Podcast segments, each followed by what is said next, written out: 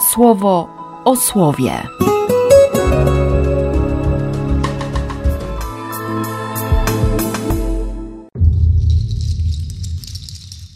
Trzydziesty pierwszy października, poniedziałek.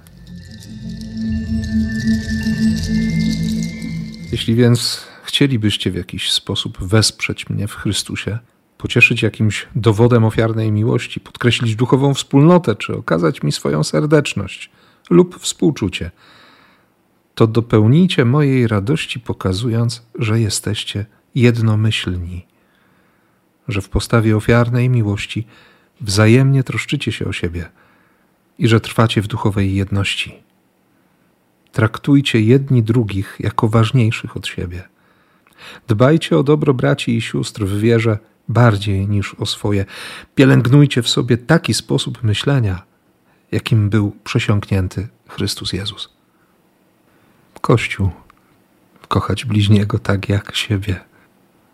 Najprościej.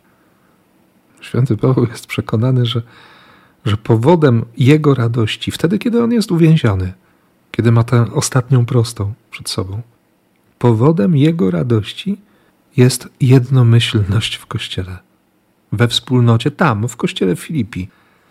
Za chwilę będzie pisał, żeby się radowali, żeby mieli w sobie radość, że Pan jest blisko.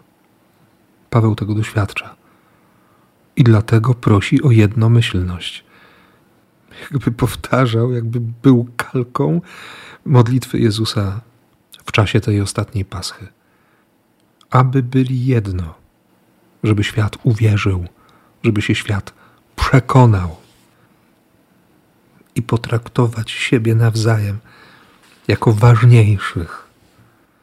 Nie bać się ofiarnej miłości. No o tym samym mówi Jezus. Kiedy wydajesz ucztę, nie zapraszaj na nią, ale zaproś biedaków, ułomnych, kalekich, ślepych, którzy nie mają nic, czym mogliby się Tobie odwdzięczyć.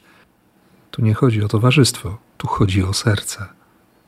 Nie domagać się wdzięczności, a jednocześnie być wdzięcznym, bo zaszczytem i błogosławieństwem jest niebo, a nie te wszystkie tytuły, miejsce na pudle we wszystkich rankingach i tak dalej, i tak dalej.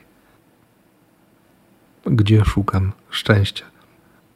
Więc tak mi mocno chodzi po głowie to pytanie, gdzie ja szukam szczęścia? Gdzie jest gdzie rozpoznaje źródło tego błogosławieństwa. Więc żebyśmy nie szukali po omacku i nie bali się ofiarować miłości i żyć ofiarną miłością. Błogosławię Cię w imię Ojca i Syna i Ducha Świętego. Amen.